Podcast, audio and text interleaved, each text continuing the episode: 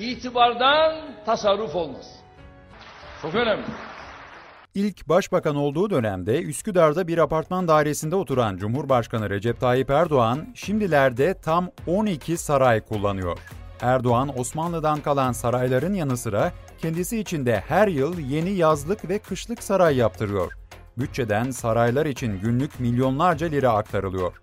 Önce 12 sarayı tek tek ekrana getirelim, sonra ayrıntılara bakalım. İşte o liste.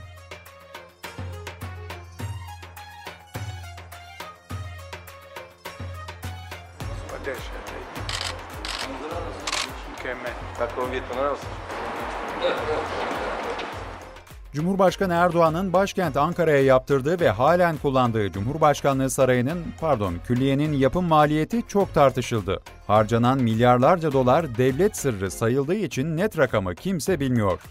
Ancak uzmanlara göre en iyimser tahminle sarayın Türkiye'ye maliyeti 1,5 milyar dolar. Sarayda 1150 oda ve 65 büyük salon var. Bu kadar ihtişam yabancı talk show'lara bile konu oluyor. A thousand rooms. That is impressive because after 500 rooms, you must be straining to think of what to do with them. Sadece bir musluğun fiyatı 9640 lira.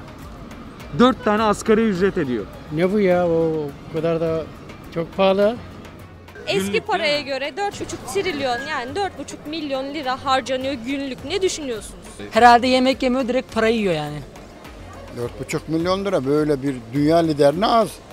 Ne kadar varsa hepsini bir günde harcasın biz gene toplar veririz. Cumhurbaşkanlığı Sarayı günlük harcamaları, personel maaşları gibi konularla da gündemden düşmüyor. Sayıştay raporuna göre 2019 yılı için 2 milyar 818 milyon lira başlangıç ödeneği tahsis edilip sonrasında 2 milyar 133 milyon lira daha ekleme yapıldı. Yıl sonunda 5 milyar lirayı aşan bütçenin 3 milyar 919 milyonu harcandı. Raporda saray için günde ortalama 10 milyon lira harcandığı belirtiliyor. Asgari ücret ne kadardı? 2825 lira. Olsun vatandaş kuru ekmek yiyebiliyorsa her şey yolunda demektir. Sarayın Sayıştay raporuna göre günlük harcaması 10 milyon TL. Yani her gün 10 bin esnafa daha bin lira verebilirdi. Sizler saraylarınızda, sarayda ejder meyvesi yiyorsunuz ama milletin çocukları bir portakala, bir mandalina hasret. Külliyenin içine girmeyi bırakın.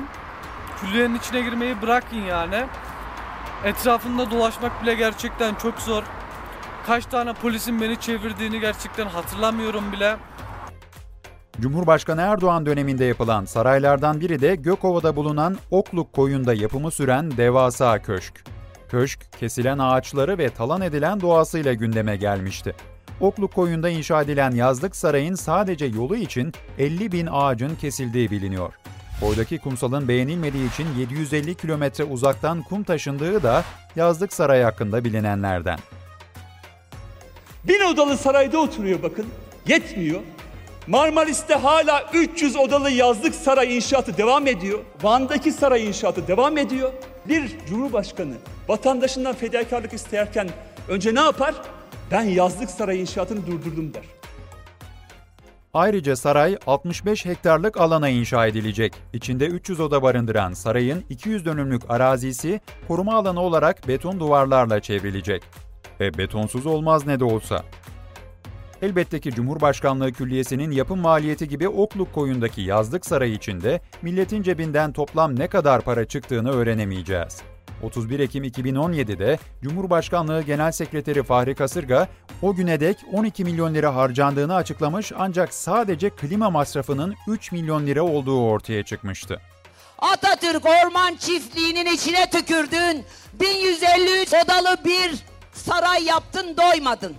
Milletin parasıyla yaptın doymadın. Döndün güzelim okluk koyunda 50 bin ağaç kestin. 400 odalı saray yaptın doymadın. Bitlis'in Ahlat ilçesinde ise başka bir sarayın yapımı devam ediyor. Elbette ki iktidar ve destekçileri oraya da külliye diyorlar. Ahlat Gençlik Külliyesi adıyla yapılan saray 8 bin metrekarelik bir alana inşa ediliyor. 30.500 metrekarelik alana ise peyzaj çalışması yapılıyor. Hangi ihtiyaçtan kaynaklandı? Yılın kaç günü kullanılacak? Bu sorulara elbette verilebilecek bir makul cevap yok. Ama şurası bir gerçek. Van Gölü kıyısına inşa edilen saray bir gece yarısı torba yasaya dahil edildi ve oldu bittiye getirildi. Dahası söz konusu madde Anayasa Mahkemesi'nce iptal edilmesine rağmen proje durmadı. Van Gölü kıyısındaki sarayın maliyetinin en az 125 milyon lira olduğu belirtiliyor. Türkiye'de insanlar açlıktan kendini yakarken Allah'ın aşkınıza ahlat nereden çıktı ya? E gidiyor yok sarayda oturuyorlar saray yıkılıyor sarayın üstüne saray yapıyorlar böyle bir saçmalık mı var ya? E, ikinci sarayda olsun, üçüncü sarayda olsun. E, günah değil mi? Okluk Koyu ve Ahlat'taki sarayların maliyetleri her ne kadar gizlense de 2021 yılı bütçelerinde devasa pay bu iki saraya gidecek. 2021 yılı yatırım programına göre Cumhurbaşkanlığı Marmaris'teki yazlık saray 640.5 milyon, Ahlat'taki kışlık saray 99 milyon liraya mal olacak. Bu iki sarayın toplam maliyeti 740 milyon lirayı buluyor. Ahlat'a bir cumhurbaşkanlığı köşkü yakışır. Sarayın menüsüne bakın zencefilli suşiler bilmem neler havada uçuşuyor. Millet de gelmiş patates soğan kuyruğu bekliyor burada. Nasıl yürüyecek bu iş? Bizi de güya saraylarda sefa süren olarak göstermeye çalışmıyorlar mı? İşte orası artık sözün bittiği yere dönüşüyor. Erdoğan ayrıca Osmanlı'dan kalan tarihi miras sarayları da kullanmayı ihmal etmiyor. Konuklarını tarihi saraylarda ağırlayıp toplantılar yapıyor.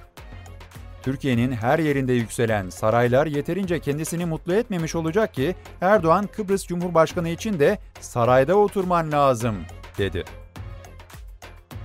Beş dönüm bir arazi temin etmek suretiyle Cumhurbaşkanlığı makamını da orada süratle inşa edelim ve böylece Cumhurbaşkanlığı makamını da oraya taşıyalım.